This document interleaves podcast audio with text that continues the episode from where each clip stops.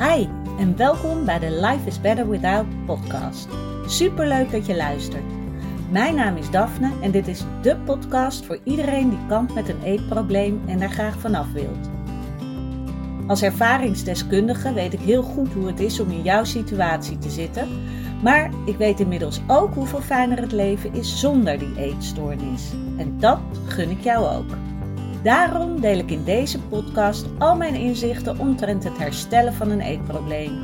Ik laat je weten wat er bij mij wel werkte en wat niet. En ik sta open voor al je vragen. Als jij klaar bent voor een leven zonder eetstoornis, dan weet ik 100% zeker dat jij dat kan bereiken. Want als ik het kan, kan jij het ook. Welkom weer bij een nieuwe podcastaflevering van Life is Better Without. Fijn dat je weer luistert. Het is een dagje later dan normaal, want ik zat gisteren helemaal vol met afspraken. Dus ik dacht, nou, dan kan ik hem beter even een dagje later opnemen. En ik wilde nog eventjes naar aanleiding van de vorige podcast over, nou, hoe ga je nou om met die feestdagen, nog iets delen, omdat ik een reactie van iemand kreeg. En zij zei, ja, ik merk zo of ik voel de verwachting van anderen dat nu ik aan het herstellen ben, dat het ook weer goed moet gaan met eten. En dat ik het goed moet doen. En dat ik met uh, kerst gewoon veel moet eten. Nou, dat is een beetje overdreven, maar eh, dat was wel een beetje de strekking in die zin dat dat bij haar familie wel een ding was. Dat er veel gegeten wordt uh, tijdens kerst. En um, nou, dan was ook nog de dynamiek binnen de familie wat lastig. En nou ja, misschien herken je daar wel in. Want ja, ik denk dat er heel veel families zijn waarbij de dynamiek misschien wat moeilijk kan zijn. Um, en daarom dacht ik, ik wil dit ook even met je delen. Um, want jij hebt altijd een keuze. Als jij namelijk maar blijft denken vanuit de ander en wat de ander misschien wel van jou verwacht of vindt dat jij moet gaan doen, ja, dan hou je jezelf gevangen. En het gaat erom wat jij belangrijk vindt voor jou.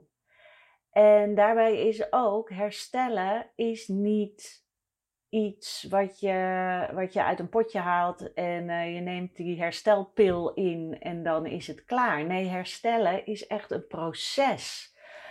En het is logisch dat je misschien denkt, ja, is het niet nou een keertje klaar? Ik heb al zoveel gedaan en uh, nu moet ik toch hersteld zijn. En toch voel je hem misschien nog niet helemaal. Je hebt het gevoel van, ik heb grote stappen gemaakt, maar nou, je voelt je nog niet helemaal zeker in het hersteld zijn. En dat is helemaal niet raar, omdat het een proces is. Je moet je daarbinnen ook comfortabel gaan voelen. En je hebt je heel lang comfortabel gevoeld op het andere vlak. Het comfortabel zijn in je eetstoornis. En als jij daar jaren in hebt gezeten, nou dan duurt het ook even voordat je erop kan vertrouwen dat je hersteld bent. Dat je daarop mag vertrouwen. Want vraag jezelf dat ook af. Mag ik daarop vertrouwen van mezelf? Of is er toch nog een klein restje van die eetstoornis die in je oor tettert van, nou, ik weet het niet hoor, of, of je wel echt hersteld bent. Eerst zien dan geloven.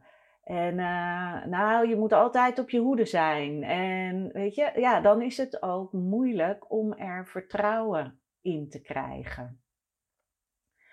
En als jij in dat proces zit, mag jij die stappen nemen zoals ze goed zijn voor jou. En het is niet zo dat als het beter met je gaat, dat je meteen tien stappen verder moet gaan, omdat je denkt van, ja, nu zitten ze niet meer te wachten op me.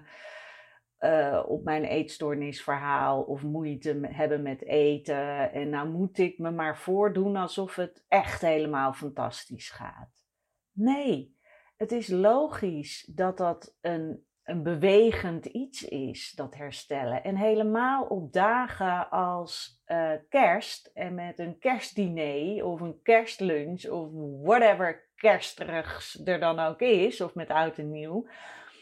Dat zijn vaak ook weer triggers. Omdat je met meerdere mensen tegelijk moet eten, uh, familieperikelen die misschien spelen. Dus het is helemaal niet raar dat je dan denkt: oh jee, ik voel een beetje stress opkomen. Dat is, dat is heel normaal. En daar hoef jij dus niet ineens als een gek zo overheen te lopen. Want zodra jij gaat doen of alles helemaal fantastisch is en je hebt uh, nergens last van en je bent alleen maar gezellig en je doet alles goed voor je familie, dan stap je dus eigenlijk weer terug in die persoon die de people pleaser was en die vooral geen rekening houdt met zichzelf. En dat is niet wat je wil. Want je wil juist dichter bij jezelf komen. Je wil er voor jezelf zijn. En dan gaat het er niet om wat iemand anders daarvan vindt. En daarom, nou, mocht je de vorige podcast nog niet geluisterd hebben, zou ik die zeker even luisteren. Want daarin geef ik dus inderdaad ook wat tips van hoe kan je dat dan aanpakken. En ga daarbij dus heel erg uit van wat is goed voor jou op dit moment. En niet van wat denkt de ander misschien of wat wordt er van mij misschien verwacht. Want dat zijn ook maar de verhalen die je jezelf vertelt. Net als dat je jezelf vertelt, oh met kerst moet er veel gegeten worden. Dat is een verhaal wat je jezelf vertelt. En daar mag jij verandering in brengen. En dan bedoel ik niet jezelf uithongeren, nee, maar gewoon normaal eten, normale hoeveelheden is helemaal oké. Kerst gaat erom dat je gezellig bij elkaar bent. En ja, de maatschappij heeft eraan gehangen dat dat met veel eten gepaard gaat. Maar dat is ook maar een verhaal wat door de maatschappij is verzonnen. En dat hoef jij niet te volgen. Dus maak jouw eigen verhaal. En luister dus even, eventueel nog eventjes de vorige podcast. En ik had gisteren nog een mooie ehm, psychica-sessie met iemand. En daar kwam dat ook weer zo mooi in naar voren van wat jouw verhaal kan zijn. Het ging in eerste instantie over zelfbeeld. En nou, ze zat heel erg in de negatieve vibe weer van, nou, ik vind mezelf niet mooi en te dik en ik eet niet goed. En nou, die hele shebang. En toen gingen we daar verder op door. En uiteindelijk, en dat is altijd het leuke tijdens uh, die sessies uh, die ik doe, dat je vaak heel ergens anders uitkomt dan dat je in eerste instantie denkt. En dat je daardoor weer allemaal nieuwe inzichten krijgt. En het, uh, waar we gisteren dan op uitkwamen, is dat ze altijd ook heel erg bezig is met zich vergelijken met haar moeder. En vooral niet willen worden zoals haar moeder. Omdat haar moeder ook heel erg bezig was en is met lijnen. En daar veel moeite mee heeft. En ze heeft ook het gevoel van ja, ik lijk gewoon qua uiterlijk heel veel op mijn moeder. En dan word ik mijn moeder. En ik denk dat heel veel mensen dat herkennen. En daar speelt natuurlijk ook nog in, ja, je wil je moeder niet afvallen. En dan niet afvallen in de, in de zin van uh, uh, kilo's afvallen, maar uh, dat je ja, niet, niet haar alleen wil laten. Of hoe zeg je dat nou? Dat je, ja, om, omdat ze je moeder is en misschien juist omdat je op haar lijkt, wil je haar daarin niet alleen laten. Ik hoop dat je die voelt. En ja, dat, ik heb dat zelf ook heel erg gehad met mijn moeder. En dat het dus heel goed is om te bedenken, ook dit is jouw verhaal. En het mooie was, zij is eigenlijk altijd alleen opgegroeid met haar moeder en haar zus, want haar vader was niet of nauwelijks in beeld. En daar werd ook niet echt over gesproken. En door, nou, allereerst de overtuiging ook in haar onderbewuste te zetten van, weet je, ik maak me los van het vergelijken van mezelf met mijn moeder. Ik weet even niet meer de precieze omschrijving, maar zoiets was het. Ehm, en ook van ik, ik heb mijn eigen DNA. Want je gaat er zo snel vanuit van, oh ja, maar ik ben de dochter van, dus dan word ik precies hetzelfde. En dat is niet zo. Ook dat is dus weer jouw verhaal. Dat is wat jij in je hoofd hebt geprent. En dan zal je daar ook meer van krijgen. En dan ga je focussen op die, die vergelijkingen. Maar het is jouw verhaal. En dan ga jij dus ook zorgen van dat jouw verhaal blijft kloppen. Terwijl als je dat verhaal gaat veranderen, en hoe we dat gisteren hebben gedaan, is ook dat ze ineens dacht van ja, maar ik ben niet alleen een kind van mijn moeder, maar ook van mijn vader. Alleen mocht daar niet echt over gesproken worden. Dus heeft ze daar nooit in die mate bij stilgestaan. En toen ze daar nog mee aan de slag ging, toen voelde ze ook meer een soort rust en dat ze ook het gevoel had van ja, ik mag ook van mijn vader houden. Ook al heeft hij weet ik het wat misschien gedaan. Maar ik ben ook een kind van mijn vader en ik heb ook eigenschappen van hem die mij ook weer juist interessant en leuk maken. En ik ben dus niet alleen een product, om het zo maar te noemen, van mijn moeder, maar ook van mijn vader. En daaruit ben ik als persoon ontstaan. En het was heel mooi om te zien wat er dan gebeurt en hoe dat verhaal wijzigt. En dan is het natuurlijk van hoe ga je er daarna mee om. Maar het is al zo'n grote verandering wanneer je kijkt van oké, wat is mijn verhaal? Is mijn verhaal bijvoorbeeld van alles wat ik eet, daar word ik dik van?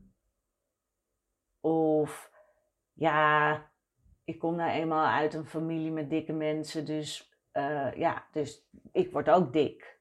Weet je, ik noem maar, ik noem maar even wat dingen. Hè. Er, zijn miljoenen verhalen die je zelf kan vertellen. Maar het, zijn, het is een idee wat jij in je hoofd hebt geprent.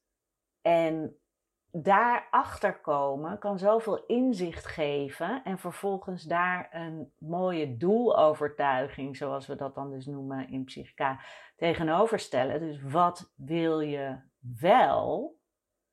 Of wat is een meer helpende overtuiging? Dus bijvoorbeeld in haar geval, ik heb mijn eigen DNA. Die helpt al zoveel om te voelen, ja, ik ben mijn eigen persoon. Het is niet automatisch dat ik precies mijn moeder ga worden. Ja, als dat je verhaal is, zal je veel eerder geneigd zijn om dat te doen. Maar dat komt alleen omdat dat jouw verhaal is. Als jouw verhaal is, ik ben een heel eigen persoon, ik heb mijn eigen DNA, ik ga mijn eigen weg, uh, ik, heb mijn, ik heb mijn eigen uiterlijk. Weet je wel, dat is al heel andere insteek en een ander gevoel. En dat is zo belangrijk om er dus achter te komen, wat voor verhaal vertel jij jezelf? Dus misschien is dat een mooie opdracht voor je om eens bij jezelf na te gaan. Welk verhaal vertel je jezelf? En ik moet zeggen, het is inderdaad makkelijker om dat met iemand anders te doen. Omdat je vaak anders al eerder stopt. Want daar had ik het gisteren ook met haar erover. Van, zij zei ook van ja, normaal stop ik al veel eerder. En dan kom je niet bij die diepere laag. Waar juist uh, de oorzaken liggen en waar je dat verhaal vindt wat je jezelf vertelt. En dat is er zo mooi aan. En dat kan dus op het vlak van je eetstoornis, maar dat kan ook op het vlak van, weet ik het, relaties of je werk. Of... En dat maakt het zo mooi om daarmee bezig te zijn. En ja, dus dat, dat is wat ik iedereen gun. En ik vind het zelf ook nog heel fijn als ik het zelf kan doen met iemand. Dus als ik een vraag in mag brengen en daarop door mag borduren, want op de een of andere manier kan je zelf ook verder denken als iemand tegenover je zit. Ook door wat iemand aangeeft en dat je kan zeggen: nee, nee, dat is het niet. Maar wat is het dan wel? En dan doorgaan, doorgaan. Ja, en dan door te praten kom je heel erg op nieuwe inzichten. En dat gebeurt vaak minder wanneer je in je eentje in je hoofd daarmee blijft dwalen. Zo van, oh ja, wat is het? En dan, dan, dan ga je telkens hetzelfde, hetzelfde loopje in, waardoor je daar niet uitkomt. Terwijl als je dus hardop praat, komt dat eerder. Daarom ook nog even een keer, ik had de oefening al een keer gedeeld. Die ontzettend awkward oefening, dat je dus twee minuten uh, hardop tegen jezelf moet praten over een onderwerp waar je mee zit, zeg maar. En dat je dat opneemt, zodat je het ook terug kan luisteren. Want dan kan je eerder tussen de regels door luisteren naar jezelf en merk je al van oeh, daar zit een overtuiging en daar zit een overtuiging. En dus dat is ook een mooie oefening als je niet zo snel iemand hebt om ermee over te praten of een sessie te doen of zo. Dan kan je dat ook doen en dat kan ook heel veel inzichten opleveren. En nou ja, sommige mensen vinden het heel fijn. Ik vond het ontzettend awkward. En daar zitten dan natuurlijk ook weer overtuigingen in. En dat, dat is het mooie. Weet je, je kan denken van, oh nee, nog een overtuiging. Oh, dit, dit is ook wat ik al denk. En dit ook. Maar je kan het ook zien als, oh, wat tof. Er komen telkens weer nieuwe cadeautjes naar boven van, oh, en dit is er ook. En dit is er ook. En het is zo mooi om er op die manier naar te kijken. En daarom ben ik ook heel erg fan van nou, de methode Psychica. Niet alleen dat je het in je onderbewuste brengt, die helpende overtuigingen maar juist ook dat proces ervoor. Dat je gaat, ja, die zoektocht naar, oké, wat, wat is het wat jou echt belemmert? Want waar je mee start, is meestal niet waar je mee eindigt. En dat is zo mooi. Dus het eerste wat je in je opkomt, is vaak niet waar, wat, het, wat de uiteindelijke echte belemmering of overtuiging is. En ja, dat, dat vind ik fantastisch. Maar het gaat dus heel vaak om die verhalen die je jezelf vertelt. Dus dat is heel goed als je bij jezelf die ontdekking kan doen van, oh ja, jeetje, ja, dit is wat ik mezelf vertel. En vaak, en, en daardoor, um, hoe heet het, uh, saboteer je jezelf ook vaak. En je kan zelfs nog, als je dan denkt, ja, dit is misschien een verhaal wat ik mezelf vertel.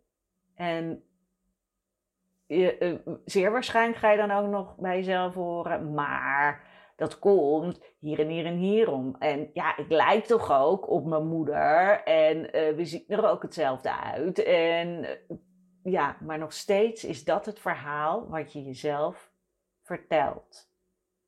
En die sabotage zit hem dan dus vervolgens in. Je wil zo sterk dat verhaal in stand houden, dat je dus allerlei dingen gaat zoeken die dat verhaal bevestigen, zodat je het niet los kan laten, denk je. Want het is toch een feit. Terwijl dat is niet zo. Iets is alleen een feit als jij er zo in gelooft en dat jij echt ja, het niet wil loslaten, dan wordt het een feit, als het ware.